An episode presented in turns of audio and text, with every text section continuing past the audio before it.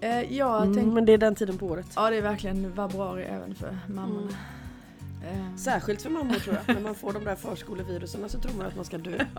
Alltså jävlar vad sjuk man kan bli av... ja. Ja. Ja. Ah, mm. Idag tänker jag vi ska prata om vetenskap. Aha!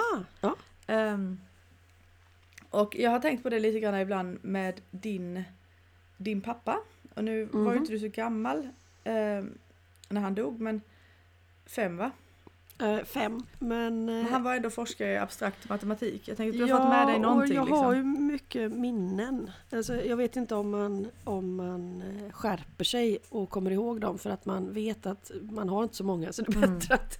Ja, men många reagerar ju och tänker att ja, men du var så liten så då kommer du inte ihåg någonting. Mm. Men så är det ju inte alls. Mm. Faktiskt. Ja, det är spännande, för, ja, för det är väl Annars tänker man att det är ungefär i femårsåldern man börjar minnas någonting. Ja. Liksom. Mm.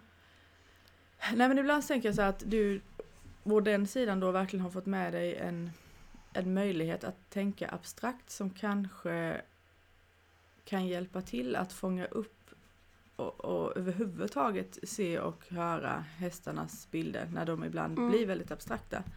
Så tror jag att det Jag tror att det är så oavsett om bilderna är abstrakta eller inte. För att det blir en abstraktion för mig oavsett om jag ska ta till. Alltså även om både jag och den andra oavsett art vet hur det känns att vara arg, ledsen, glad, dricka vatten och så vidare.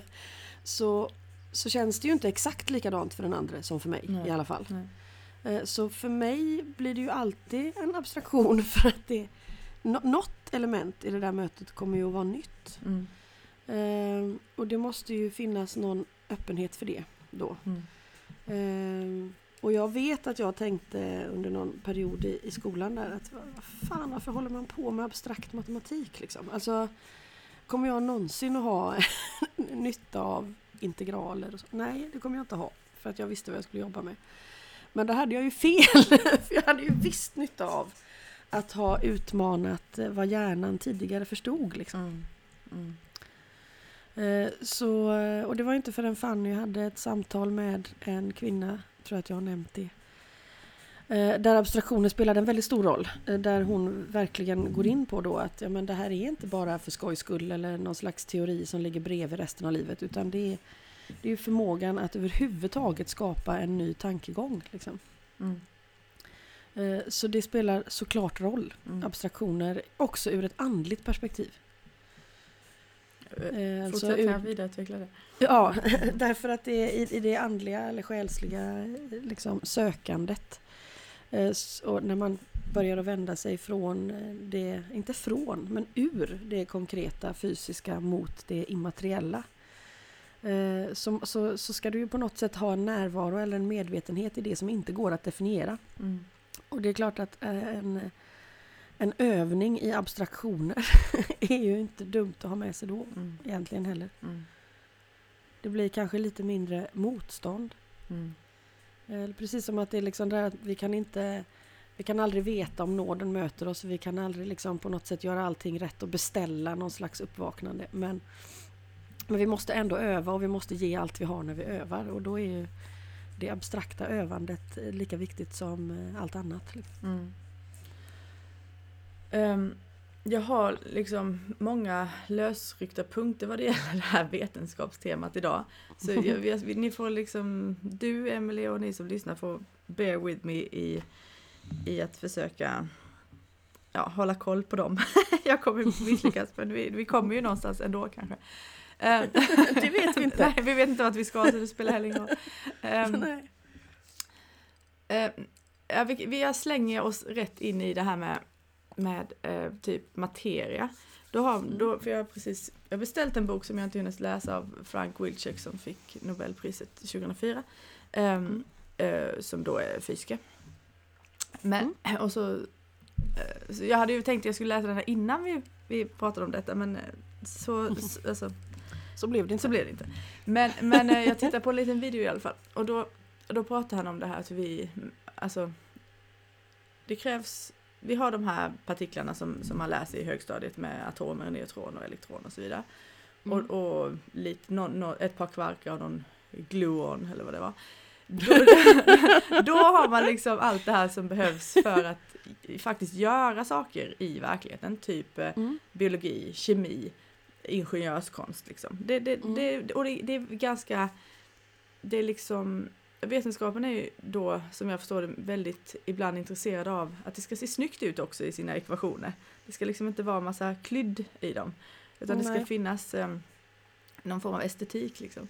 Mm. Men så kommer han då till, men, men där vi just nu, där vetenskapens gräns är just nu på, på vad som bygger upp den här världen. Mm. Då är man nere på någonting, de här, alltså dels elementärpartiklar och um, kvantumfält tror jag det kallas. Men, men det jag är ute efter nu är en, en plats i rumstiden Eh, Mm. och d- Där de här enheterna då, de, de, har ingen färg, de har ingen form, de har ingen temperatur, ingen smak. Men de har massa laddning och spinn. Mm. Och, Mm. och nej men, nu, det, det det blir ganska, alltså det- är ju inte som att bara, bara mm, ehm, ämnesområdet eh, att möta varandras medvetande ägnar sig åt abstraktion, utan det gör ju verkligen vetenskapen också. Det, här, det är ju Mhm. liksom ingenting som man kan se. Ehm, så Mm.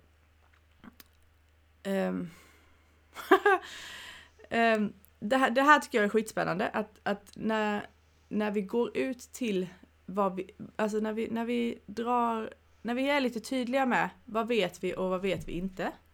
Mm. Och så är vi nyfikna på det vi inte vet. Mm. Ehm, det kan man ju vara inom olika områden tänker jag. Eh, och jag kommer inte komma fram till någonting här, eh, märker jag. Jag bara fortsätter att tro att det ska komma, men det gör jag inte. Jag, bara, jag släpper detta. Ser vi om du vill plocka upp något av det. Åh herregud.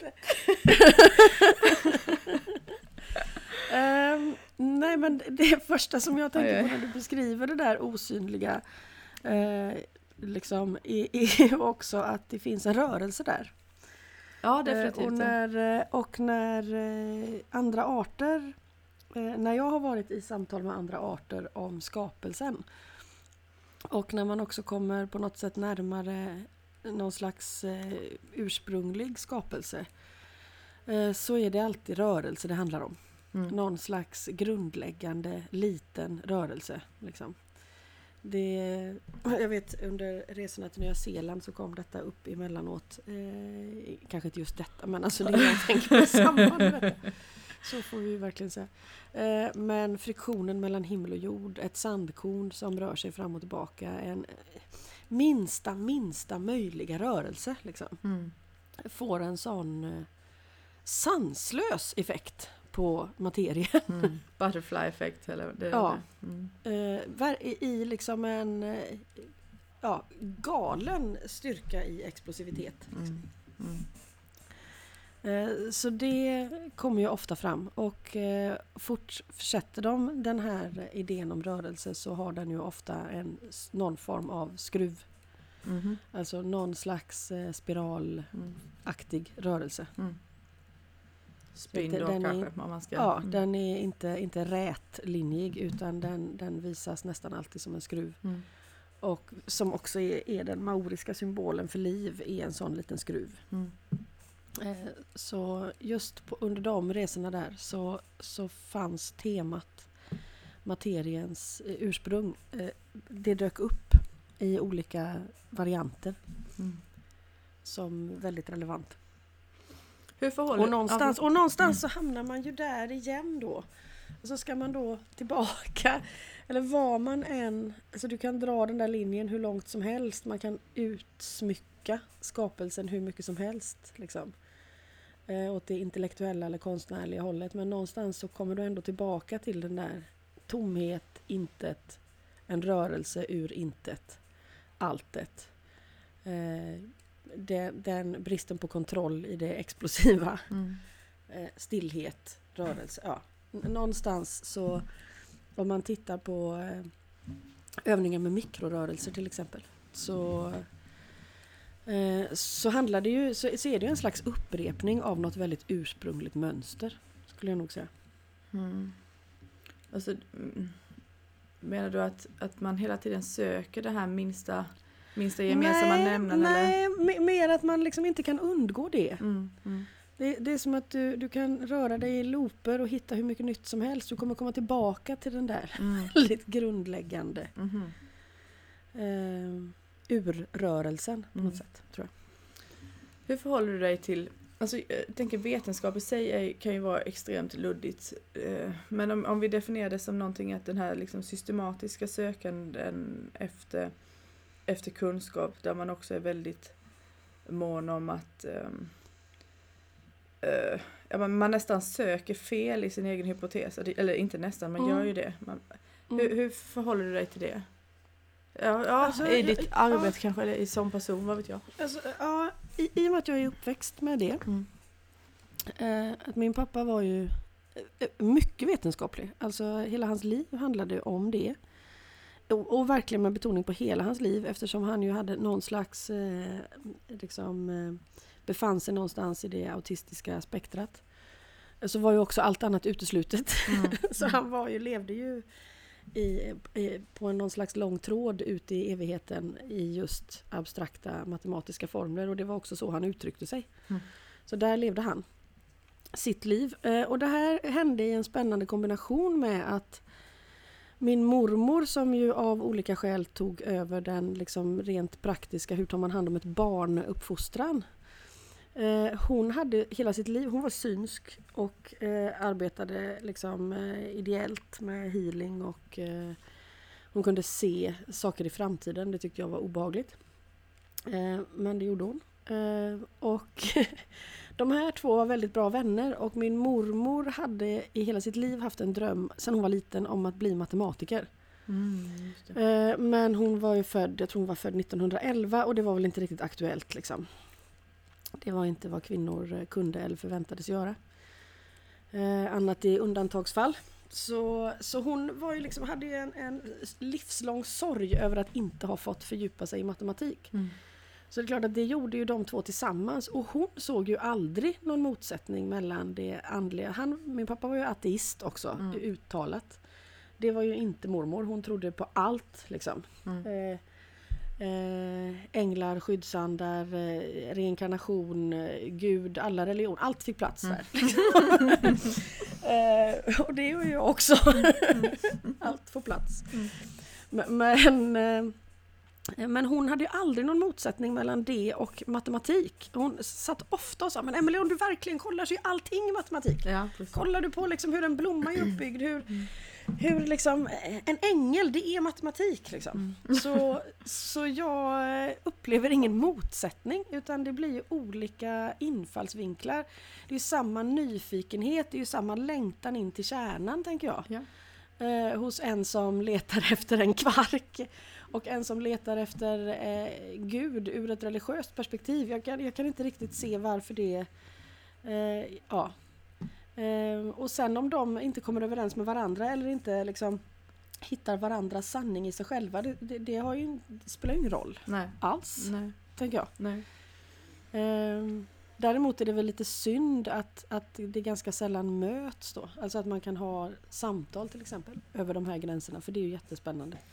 Ja, jag läste någonstans för hundra år sedan om någon som, alltså där, där jag antar att det kanske var Svenska kyrkan som, som började, alltså det kanske var ett försök till det, men den här skribenten menar att alltså andlighet eller eh, man kan inte mäta vetenskap och låt oss kalla det religion då eh, med samma måttstock eller med samma, alltså man kan inte Nej, och, och, men och det, där tror jag, det där tror jag är väldigt viktigt. Man ska liksom inte försöka boxa in någonting Nej, man, i... man, ska, man, ska inte, nej, man ska inte få dem att mötas i en gemensam nämnare. Nej. Eh, och det där, det, det blev eh, lättare för mig att ta till mig efter att jag hade satt mig in mer i kinesisk medicin. Kinesisk medicin i sin, utifrån sitt perspektiv bygger ju egentligen på en annan universell idé Mm. Eh, än vad även andra alternativa medicinformer inom det västerländska spektrat gör. Ja. Så att där är inte skillnaden så mycket mellan just skolmedicin och alternativ medicin utan det är en annan, ett annat universum som det här kommer ur. Mm. Eh, och då vet jag, jag hade någon lärare där som tyckte att eh, det spelar ingen roll om ni håller med eller inte eller om ni tror eller inte på... Ja. Men när ni läser det här så bör ni inte hela, direkt försöka jämföra det med någonting annat för då kommer ni aldrig att förstå det ur sitt eget perspektiv. Nej, precis. Eh, och det, det stämmer ju. Mm. Och när man då gör det och accepterar det att jo men den eh, kinesiska medicinen är sann i sitt universum. På samma sätt som eh, andra medicinska former ur den västerländska eh, liksom, Traditionen. världsbilden, Mm. ja, traditionen, är sanna utifrån sitt perspektiv. Men de kan ju inte bevisas inom den andres ram. Nej. Betyder det då att, den inte kan, att de inte kan vara sanna? Eh, om, de inte kan, om det inte finns en slags absolut sanning som skär över alla universum? Eh, nej, eh, så det, då är man ju inne på att det finns en absolut sanning. Mm. Ehm, och, och den, det kanske det gör men i så fall inte i form av en sanning. så inte i form av en tes kanske. Nej, nej, precis. Eh, utan i så fall någonting definitivt obeskrivligt, mycket nära liksom det skiftet mellan det materiella och immateriella. Mm. Där kanske det finns någonting väldigt likt men det skulle ju inte vara relevant i det här sammanhanget. Kanske just för att bevisa något. Nej, och vi har ju pratat om det här lite innan, men liksom att, att kunna mötas över de här gränserna, Mm. om man nu Mm. ens kallar det gränser. Mm. Och, och jag tror att, att det mest fruktbara eh, sådana, sådana mötet blir just om man, om man vågar stå kvar i det man är, men ändå möts. Liksom. Och jag tänker, Mm. det här kommer låta lite hårt men jag, om jag ska kritisera mitt eget skrå, om jag så kallar det Mm. skrå. Men, men, men kronisk sakralterapin ibland tycker jag att eh, alltså det blir så mycket förklaringsmodeller som ska liksom knacka in på Mm. en, en västerländsk traditionell medicin. Eller ja, traditionell i den bemärkelsen då. Och det, Mm. för mig så blir det snett. Jag vill mycket hellre höra liksom att vi vet inte hur fan Mm. det här funkar. Alltså jag Mm. vill mycket hellre, jag vill, jag vill ha den liksom ärligheten där. Det här vet vi Ja. inte. Det, det verkar hända någonting men hur fan det går till, jag har ingen aning. Mm. Alltså, eh, sen kanske de här, man kanske hävdar att man vet. Men jag vet Ja, inte alltså, men... eh, Nej, jag, jag förstår det. Alltså, jag tänker att dels handlar det kanske om att man ändå vill bli bekräftad av, eh, av, det, av det etablerade på något sätt. Jo det är ju det, absolut. Eh, och att det finns en slags... eh, Som ett sätt att mötas. Kv- Ja, Alltså, det- det- det är ju ingen, eh, kvalitetsstämpel i det då att vi är minsann accepterade av. Ja. Men, men eh, den delen finns ju säkert alltid med. Men, men, eh, och sen kan det ju vara så att alltså, eftersom någonting händer fysiskt, eh, det kan ju de flesta som har fått en kraniosakral behandling ändå intyga. Så det är klart att eh, då händer ju någonting i kroppen som såklart är registrerbart på något sätt. Mm. Men sen om vi har förmågan idag att registrera det, eh, det kanske vi inte har. Där sitter ju homeopatin också. Det händer ju uppenbarligen saker eh, när man äter de här pillerna som innehåller minnet av en energivåg som inte går att mäta. eh, kommer vi kunna mäta det en dag? Det kanske vi kommer att kunna. Vi kan inte det nu. Betyder det därmed att det jag upplever har hänt inte har hänt? Eftersom ett annat universum inte kan bevisa det. Nej, det blir lite långsökt också. Mm. Nej, men jag Eh, tror det är precis det du betyder säger det att jag, att- jag måste tro att den andra står och ljuger? Ja, om jag måste hålla mig fast vid att endast en verklighet är möjlig, då måste jag ju göra den andres sanning till en lögn om de inte går ihop. Mm. Eh, Men om jag inte behöver det, då blir det ju något annat. Mm. Det betyder ju inte att det inte finns osanningar och lögner, men de kanske inte mäts på det viset. Nej, precis.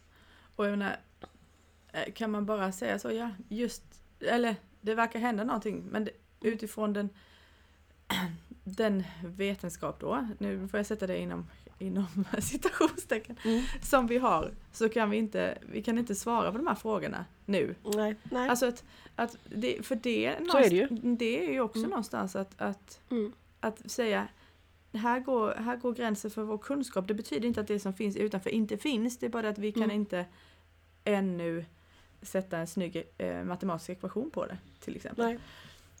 nej, precis. Men det, för mig är det mycket schysstare att liksom Mhm.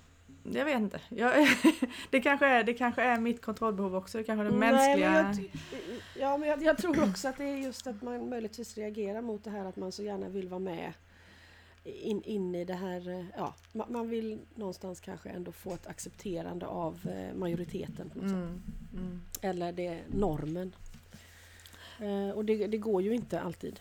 Helt enkelt. Det är och det är ju samma i, i kinesisk medicin som ju är väldigt prövad västerländskt och där delar av den eh, klarar att möta det, eh, den västerländska vetenskapen och så hittar man gemensamma nämnare Mm. som att akupunkturpunkter ofta ligger i närheten av nervknutar. Mm.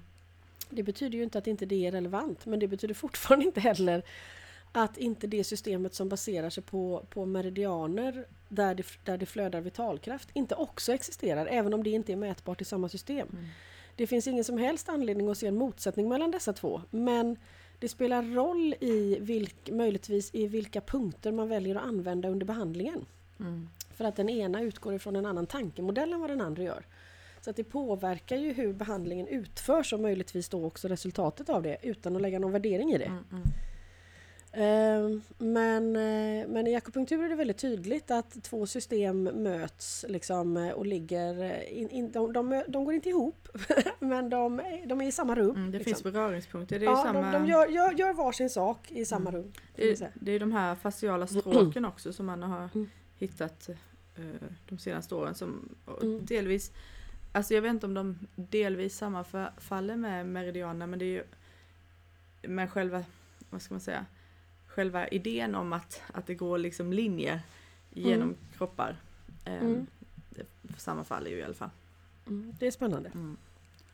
Jag tror också att någonting som jag, alltså anledningen att jag, jag, jag tror att ibland här nu så kommer jag ge uttryck för åsikter som inte nödvändigtvis är mina, det är bara åsikter som finns. Men, men jag tror att jag också ganska starkt, det, det, det är liksom provocerande när man inte kan säga att man inte vet, Mm. tycker jag. Mm. Eh, Ja, jag- ja, eh, ja, jag förstår. Eh, Det är ju också... Hur ska man säga? Eh, Vägen till abstraktion stängs ju då. Mm, om jag måste utgå ifrån att jag vet eller att, att jag ska nå ett vetande då får ju inte abstraktionerna plats i alla fall.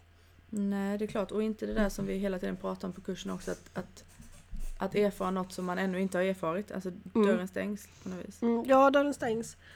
Eh, Jag måste ju också på något sätt göra mig naken. Alltså jag måste ju lägga ner mina vapen och säga någon gång att det här löser jag inte eller det här, nu klarar jag det inte längre själv eller nu får jag inte ihop det längre. Mm.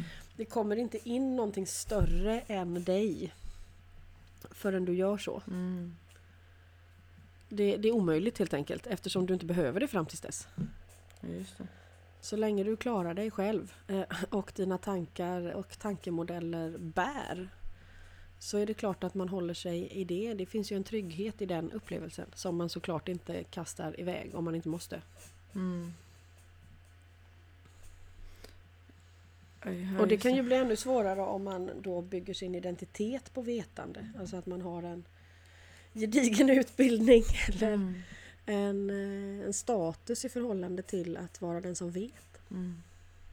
Och så är vi, jag tycker på något vis, vi, vi kommer ju alltid tillbaka till det här med att eh, delta och släppa taget. För man måste ju också stå i det där. Mm. Ja, vad, man, vad man Mm. inte nödvändigtvis vet, för vet är ett, ett liksom lite mm, laddat begrepp kanske. Men Ja, i men alla vad fall man- vad jag vad man har erfarit. Ja, precis. Mm, Eh, absolut. Den... Och, och, och det kanske också är så att det är helt okej att man, man är man, det Precis som du säger, eh, ingenting annat kan släppas in förrän man, man står där och säger ja, nu vet jag inte mer. Men fram Mm. till dess kanske det, det, är inte, det är ju inte heller, och jag vet att du inte sa det, det är ju ingen Mm. värdering i det ena eller det andra utan Nej. ehm, Mm. eh, Båda sakerna fyller sin funktion. Ja, precis. Och det gäller på något sätt att, att försöka hålla någon slags vakenhet om när, när det behövs vad. Mm. Alltså jag ska inte fega ur när jag ska stå kvar.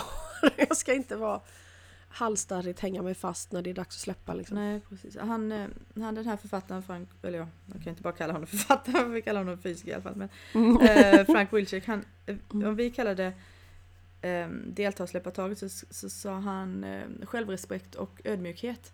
Mm, Det är absolut. ganska bra. Ja, det jättebra. Mm. Jättebra tycker jag.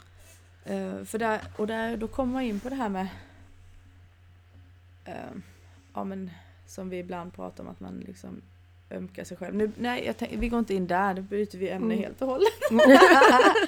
uh, då försöker jag släppa det. Nej, men jag, jag tänker när du säger det där också så kommer jag på en, eller jag, jag kommer ihåg en situation i Jordanien när, när jag fick en jätte sådär det finns ju händelser som, är, som inte går att trolla bort. Liksom. Man kan inte göra om dem i efterhand, man kan inte bortförklara. De är där och de, de utgör någon slags milstolpe eller stepping stone på något vis. Och det var en väldigt stark upplevelse som inte går att beskriva på något sätt men av att ja, men nu vet jag att det, det, det går, liksom Allah finns. Mm. Eh, och då och då kom nästa tanke som kom var då Ja, eh, jag skulle kunna dö för den insikten. Alltså om någon skulle säga till mig jag tvingar dig att säga att det inte är så. Mm. Så skulle inte det gå.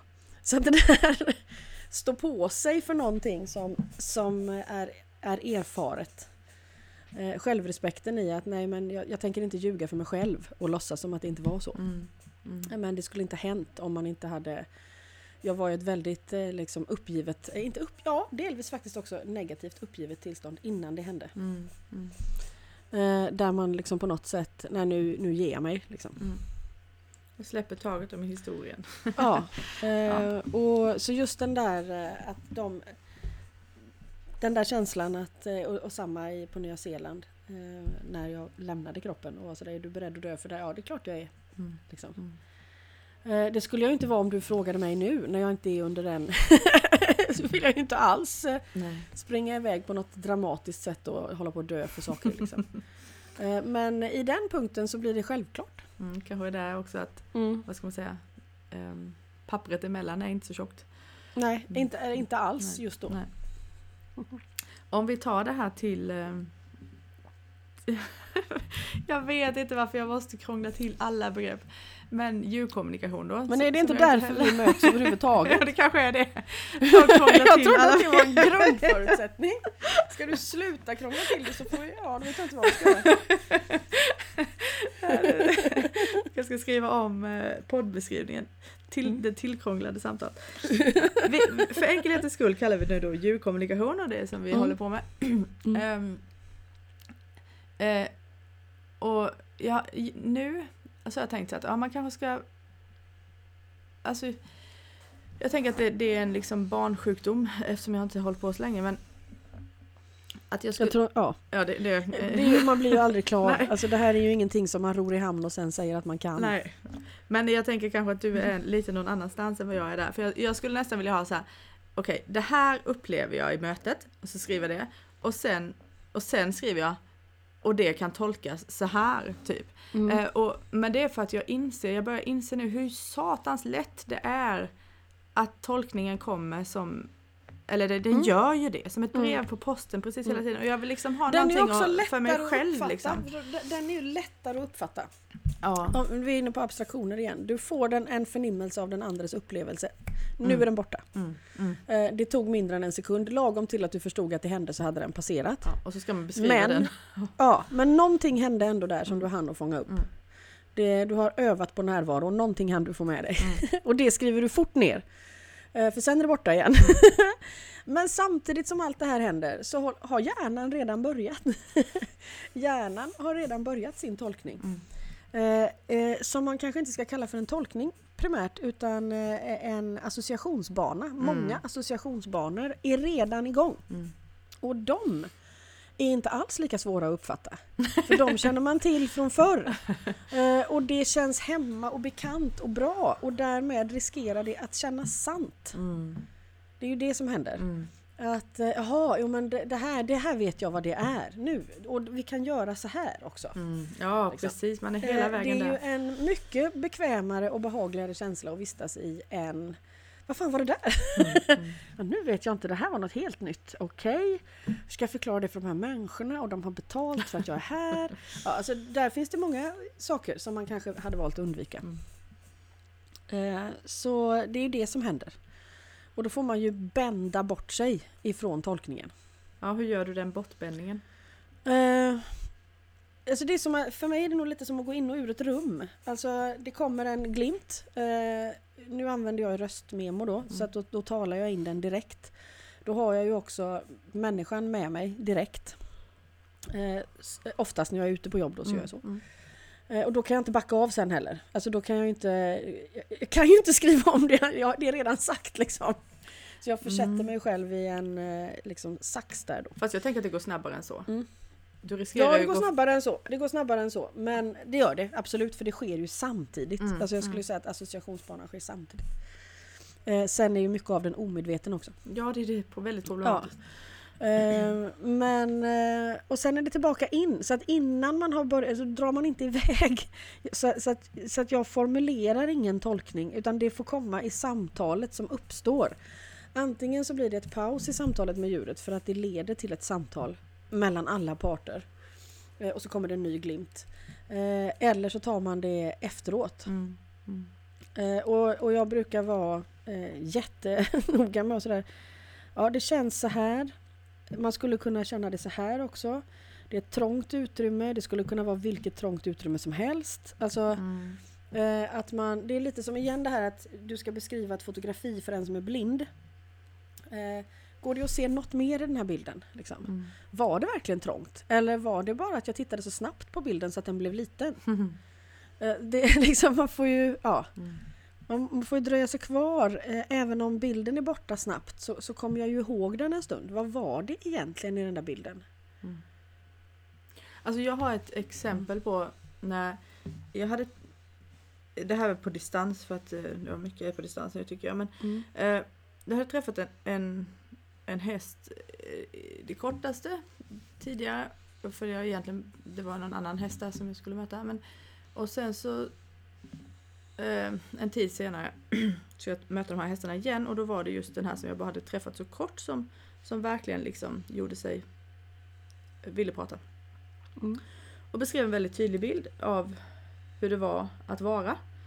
Och sen, och sen när vi började prata om detta så, så det liksom stämde inte. Det var liksom, Mm. eh, också när jag försökte komma ihåg hur, hur var det att möta den här hästen innan. Så Mm. var det helt, det var liksom väldigt eh, konstigt. Men, Mm. men jag, jag hade liksom ändå på något vis kände att jag hade målat in mig i ett hörn av att säga att nu är det den här som vi pratar och det beskrivs detta. Jag, liksom jag hade fått till Mm. det till att hon då beskrev sig själv. Eh, och sen kanske man skulle kunna, för sen kom det in en annan häst, inte i det samtalet men rent fysiskt eh, dagarna efter då. Och jag kan liksom ana att, att hon då beskrev dens upplevelse. Men, Mm. men, men det kan ju också bara vara en ren jäkla efterkonstruktion. Jag kanske jag Mm. gick helt jäkla fel och sen försöker jag, på tal om vetenskap kontra icke-vetenskap liksom, att Mm. försöka få in det här i min världsbild nu. Eller jag försöker liksom släta över mitt misstag eller vad vet jag, vad är det jag gör Mm. liksom. Ehm, Ja. ja. Ja, precis. Alltså, den, ja, den, den här hästen har ju uppenbart, jag, jag tänker att det finns så många spår här, Ja, men den här absolut. individen Vi har ju, har, ju, har ju uppenbart velat göra sig hörd. Mm. Eh, och det kan vi nog förutsätta inte är ett misstag. Eh, sen kanske ditt eh, liksom steg av den här, ja vi hittade rätt, vi fick bekräftelse, det gick bra. Eh, Att det blev så här trassligt eh, kanske inte heller är ett misstag. För att det, då sker det någonting med dig som inte skulle ha skett annars. Om man alltid har rätt så blir det ju inte bra Mm. på sikt. Mm. Eh, då, jag, jag blir alltid jättenervös med djurkommunikatörer som är väldigt säkra på sin sak. Det gör mig jätteorolig. Det gör Mm. mig orolig när elever är för säkra på sin sak också. Mm. För att jag undrar vad jag har eh, missat liksom. Mm. vad, vad du menar vad Inte- du har missat hela ditt Ja, liv i, eller, eller vad i, de liksom, i varför är de så säkra liksom? Mm, mm. Varför upplever de inte att det, är- att det här är mångbottnat liksom? Mm, mm. Eh, Men, men eh, samtidigt är man ju väldigt säker i det ögonblick som mötet träffar en. Där finns det ju en säkerhet. Liksom. Ja, det, Men det gör mig vad orolig om den, om den säkerheten liksom kvarstår som en slags crusade Mm. på något sätt. Mm. Eh, Att man blir en bärare av eh, meddelanden. Mm. ja, vet, det, det är någonting där som gör mig väldigt eh, eh, orolig. Ja men det är väl för att det kan bli så himla farligt. Därför det, Ja. det är det som vi har pratat om innan, att gör man sig till uttolkare för någon Mm. annan eh, och sen är det och, det och det, det är också kanske då framförallt om man åker ut och jobbar då, då, då gör man ju det för att den andra inte upplever att den kan höra. Mm. Och då Mm. blir det, det är liksom en maktposition, det blir superfarligt. Ja, absolut. Och det här är ju liksom orsaken till att jag också alltid har tvekat otroligt mycket på att ge mig in i att guida andra människor i det här och det är ju så att det här är ju inte heller en utbildning i djurkommunikation. Nej. Även om jag tror att de allra flesta som söker den hoppas på det. Mm. Nej, det är väldigt viktigt att säga tycker jag att det inte Ja. är det. Mm, absolut. Eller det menar jag inte Eh, att det är viktigt att säga att det ja, inte är jo, det. men Men det jag är menar det. att man kanske Det inte kan det. Man, Mm. man ska inte, Mm. ja jag vet inte. Ja, så att jag tänker att ur ett större perspektiv så är det här trasslet nog bra. Mm. Eh, därför att det, det får dig att stanna upp. Liksom. Mm. Och, och är det då ett misstag att du inte förstod det inom situationstecken rätt? Mm, mm, Eh, det kanske var rätt att det blev fel, vad vet jag? mm. Eh, sen är det ju, ja, pratar den här individen om sig själv eller om någon annan? Det kan inte jag svara på. Eh, om det liksom bevisbart verkligen inte överhuvudtaget stämmer överens med den individen, varken nu eller förr. Det kan ju också vara, jag är sån här egentligen men under vägens gång så har jag förlorat detta till exempel. Mm. Eh, men är det så att nej, men det handlar verkligen inte om den, hur vi än letar och vänder och vrider på det här så kan det inte göra det, det handlar om någon annan. Men, men det när du kan, det kan det ju naturligtvis också göra och sen kan det ju vara så att att du har uppfattat eh, att, att du har suggererat fram hela samtalet. Naturligtvis så kan det ha hänt. Mm. Man kan inte säga att det finns någon garanti för att inte det händer. Nej. Bara för att man verkligen inte vill att det ska hända. Men brukar du ha så här, när du säger eh, vi får inte ihop det, men jag menar är det... Jag tänker, ibland tänker jag så här att man fan jag borde ju ställa mer jag borde ställa mer frågor sen efter att jag fått en bild. Liksom när var det här tiden eller men, men det tycker jag är jättesvårt. Alltså jag, jag, Mm. rent teoretiskt så kan man göra det.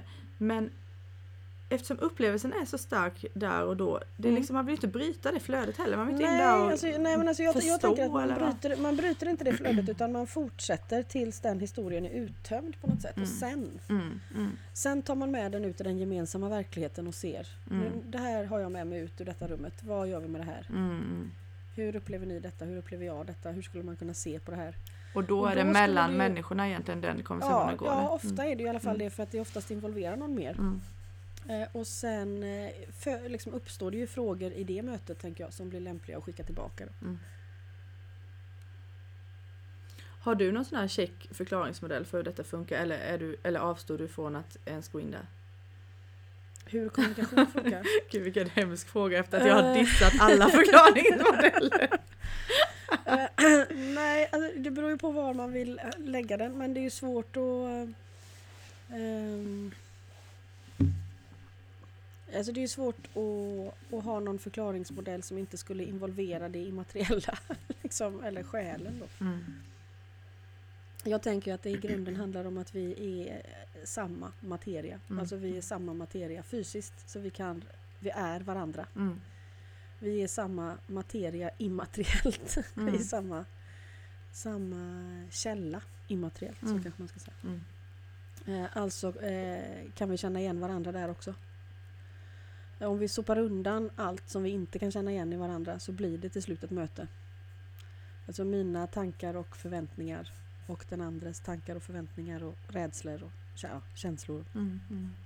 Eh, och då tänker jag att det första som man letar efter är essensen. Mm. Ehm, jag vet att år två så har, är det en helg som handlar om essens. Jag tänker att ur mitt privata perspektiv så är den kanske en av de viktigaste. Ehm, för att det är där det på något sätt är, är det den andra eller vad är det jag möter? Liksom. Mm. Det finns någon slags eh, den är fortfarande inte hela vägen fram till eh, Gud. Det är inte så avskalat att, att själen har smält samman med alla andra själar. Eh, Men det är kanske så nära man klarar, båda parter klarar att komma mötet mellan kropp och själ. Alltså vem, vem Mm. är jag i den allra första, vi pratade om liksom ska, universums skapelse, det finns ju också en individuell skapelse. Mm. Eh, Vem är den här personen som är just, som bara kan vara den här personen? Mm. Det, det är exceptionellt unika. Mm. Eh, Kan jag liksom möta den andra där så, så kan vi sväva ut och tappa bort oss men vi kan försöka gå tillbaka liksom, till Mm. Jag vet vem du är. Inte kanske med en logiskt rimlig förklaring alltid men den är, det är en igenkännbar punkt. Mm. som blir en slags grogrund. Och jag tänker att ett samtal bör nog börja, den här typen av samtal bör börja där. Annars så börjar den i en, en önskan eller en, en fråga så kommer ju den fort att sväva iväg. Alltså då kommer ju associationsbanorna att få sitt övertag snabbare. Mm. Ja, det... Och är man ute på, på ett uppdrag så är det ju ofta, eh, finns det ju ofta en vilja mot någonting. Alltså ett problem mm. som behöver lösas till exempel. Mm. Det är ju inte en förklaringsmodell på hur det går till men jag tänker att de behöver ha den bilden. Eh, sen, sen, tänker jag att allting strävar ju efter att mötas och möts hela tiden. Liksom. Det vi är intresserade av här är ju på något sätt att, att placera vårt medvetande där mötet sker. Alltså vi vill mm. inte missa mötet. Nej. Det är väl det som är skillnaden. Det är inte det att det inte att inte en ständig utbyte av livserfarenheter pågår ordlöst konstant. Ja, Men var är vi liksom? Mm. Det, där, det är två saker jag tänker på här egentligen. Dels det där eh, som du säger nu att alltså, eh, den här gränsen mellan en själv och den andra kanske är mycket tunnare än vad vi normalt sett går runt och, och tror. Um, mm, alltså det, det, är liksom bara det är bara ett hopp åt andra hållet jämfört med ett hopp in i sig mm. själv. Men, men det som sker då är att vi, vi faktiskt um, försöker se när den där tanken kom från det hållet istället för det hållet. Uh, utifrån istället för inifrån eller vad man ska säga. Mm. Och, och sen det här som du pratar om med um, att börja med att, att, att försöka uppleva essensen av den andra. Det är också min erfarenhet att det, det på något vis så tycker jag det hjälper en hur ska man säga det här utan att det blir, men alltså att, att det blir liksom en, en positiv feedback-loop inne i en själv av att, att, får man känslan av att man upplever den andra. Um, det, det, om det kommer först så är det så, då har man inte hunnit. Alltså det är liksom, man har någonstans försökt försäkra sig om att det inte ska komma massa tolkningar innan för man har ju ingen, om man mm. inte har någon fråga, ingenting, utan det är bara vem, vem är du? Då, mm. då ligger det ingenting annat på. Så fort det är någon som kommer med ett problem så, så är ju det mycket svårare för då kommer det genast in att det är klart att man tänker att människorna vill att något ska lösas och vad, vad fan vet jag. Mm. Ja. Men det där första, liksom bara en känsla av en annan. Mm. Är skönt på något vis. Ja, och den handlar ju inte heller om, jag tänker att det här handlar ju egentligen inte om några extraordinära egenskaper utan det handlar ju om att man verkligen vill möta den andra utan att ha en agenda. Eh, och att man är beredd att och, och på något sätt stå i vad som än kommer ut genom den dörren då. Mm. Att har jag sagt att jag vill, vem är du liksom? Så är det ju lämpligt om jag inte då rusar iväg om det inte blev som jag tänkte. Eller ja, att det inte kändes bekvämt eller så. Rygga tillbaka äh, om det är något förfärligt. Ja, mm. ja att, att på något sätt så, så handlar det också om att ta emot då. Mm. Så förmågan att lyssna är ju någonting som vi tänker är en, en eh, rörelse som vänds utåt. Alltså jag vänder örat mot den andra. Det är sant, särskilt ur ett empatiskt perspektiv. Att jag liksom öppnar mig för den andra. Men jag måste också ta emot. Lyssnande handlar ju också om att ta emot. Uh, hur menar du då? Skulle det vara? Att ta in den andra fullt liksom. Jaha, det, det skulle vara en mer inåtvänd rörelse nästan? Ja, mm. det är ju mer en rörelse som går tillbaka in i mig. Mm. Mm. Och det gör man ju med alla sinnen. Då spelar det ju ingen roll om man är liksom påläst eller skärpt. alltså den, det där är ju, det är ju inte en eh, förvärvad egenskap men, men man kan ändå öva på det. Förmågan att ta emot? Mm, ja, förmågan att vara där och vara nyfiken och... Mm. Jaha, det är inte en förvärvad egenskap? Nej, alltså jag tänker att man behöver inte liksom vara duktig på det. Nej, det är ju rätt. Men det är väl inte heller ja. gudagivet, tänker jag. Nej, det, det, är det. Den, eh, all, alla har möjlighet men alla måste öva. Mm, mm. Och fortsätta öva som, som ja. du försökt mm. säga innan. Ja. Ja. Det vore ju omöjligt att ha uppstått i den här, eh, liksom, in this creation. om man inte också var en del av den. Alltså, Mm. och I och med att man är en del av den så är det också möjligt att mötas. Mm. Mm. Och sen blir det ju då, får man ju i så fall leta efter vetenskapliga förklaringar på vad som sker i mötet. Vad är det för plexiglasskiva som lyfts bort? Vad består själen av? Hur kan man definiera själen i förhållande till medvetandet? Är de olika? Vad, vad går gränsen mellan materiellt och immateriellt? Vad är en illusion? Eh, går det att renodla? Hade man kunnat mäta liksom? I, ja, någon gång kanske man kan det. Vad är verkligen den gemensamma nämnaren i det här mötet? Eller har man inbillat sig alltihopa? Mm. Ja, så, eh, på ett filosofiskt plan så tror jag att vi, eh, vetenskapen delvis är där, alltså och filosoferar kring det. Men, men rent eh, den andra aspekten av att, att verkligen mäta, då vet jag inte när, det, när i framtiden det sker. Men det kan ju hända att det kommer att ske. Det, det var väl ja, alltså, kanske mindre att det troligt att det att- inte sker. Mm. Ja, eh, också för att det, det finns business i det. det finns eh, telefoner som kanske skulle kunna utvecklas åt dessa håll till Mm. exempel. Mm. Som då skulle ge en mer helhetlig upplevelse för användaren och det kanske någon är beredd att betala för. Så Mm. där kanske man letar. Mm. Ja, jag tänkte mer i perspektivet också av att eh, ja, men om vi har, det kanske vi inte har i och för sig, men på, om man tänker sig en evighet framåt så någon gång så ska det här väl också ske. Men det är ju inte säkert att människ, människ, mänskligheten får vara med på den evigheten, det kan vi inte Nej. veta. Det kan också hända att behovet av det minskar om man kommer närmare upplevelsen själv. Mm. För att upplevelsen av att det verkligen sker kanske räcker och så blir det mindre relevant med beviset. Ja, det där är en spännande grej för jag, det, så tycker jag å ena sidan. Men å andra sidan är jag också väldigt nyfiken på ehm, på om det skulle gå att mäta helt enkelt. Alltså, Ja, men, men det tar inte ifrån Tillräckligt mig. många individer skulle ju, skulle ju vara nyfikna på det för att man kommer att försöka göra det. säkert. Ja fast det är ju också det att när man, när man upplever detta då har man inte riktigt tid Alltså då vill man ju bara ut och fortsätta uppleva det så då har man inte riktigt Mm. tid att forska i den mätbara delen av det. Eh, Nej, men det kanske man har sen. när man har mer tid eller vad du? Ja, när man har förankrat det och det har blivit Ja, just det. normalt. När det inte längre det. utgör en differens i förhållande till ens tidigare världsbild. Ja, där det inte är så... eh, Mm. Ja, jag förstår vad du menar. Mm. Där man inte springer runt som en vilde och är liksom i extas. Just det. Det, det, har blivit, det har blivit vardag. Då kan man, Mm. Nu kan jag ägna lite tid åt att forska i hur det här funkar. Ja. Mm. Ja, hoppas vi får höra det på något vänster. Även om man Mm. inte är med. Beror väl på hur många gånger man återföds, men många hoppas jag på. Mm. Jag vill inte bli klar. Nej, det är ju så jäkla spännande att leva alltså. Ja. Mm. Mm. Jag tror vi har fångat de flesta bollar som jag hade tänkt mig kasta upp. Okej, det var ju intressant. Jag tänkte att det här verkligen skulle vara ett omöjligt ämne.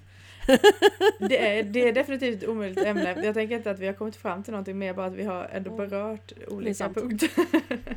Mm. Eh, för, för jag tycker egentligen också att man kan, man kan tänka att man, vi börjar detta samtalet med en, eh, eller jag då, eh, alltså man kan säga så här, att när jag börjar samtalen, det här, åh det här är ju sjukt spännande nu när jag ska beskriva detta, för då ser det ut som det här som har pratat om innan. Men när, när vi börjar samtalet då är det en, en vid kon som, som går mot liksom spetsen. Och sen så kommer vi till en punkt i samtalet någonstans när, den där, när, när det istället går från den spetsen till utåt igen.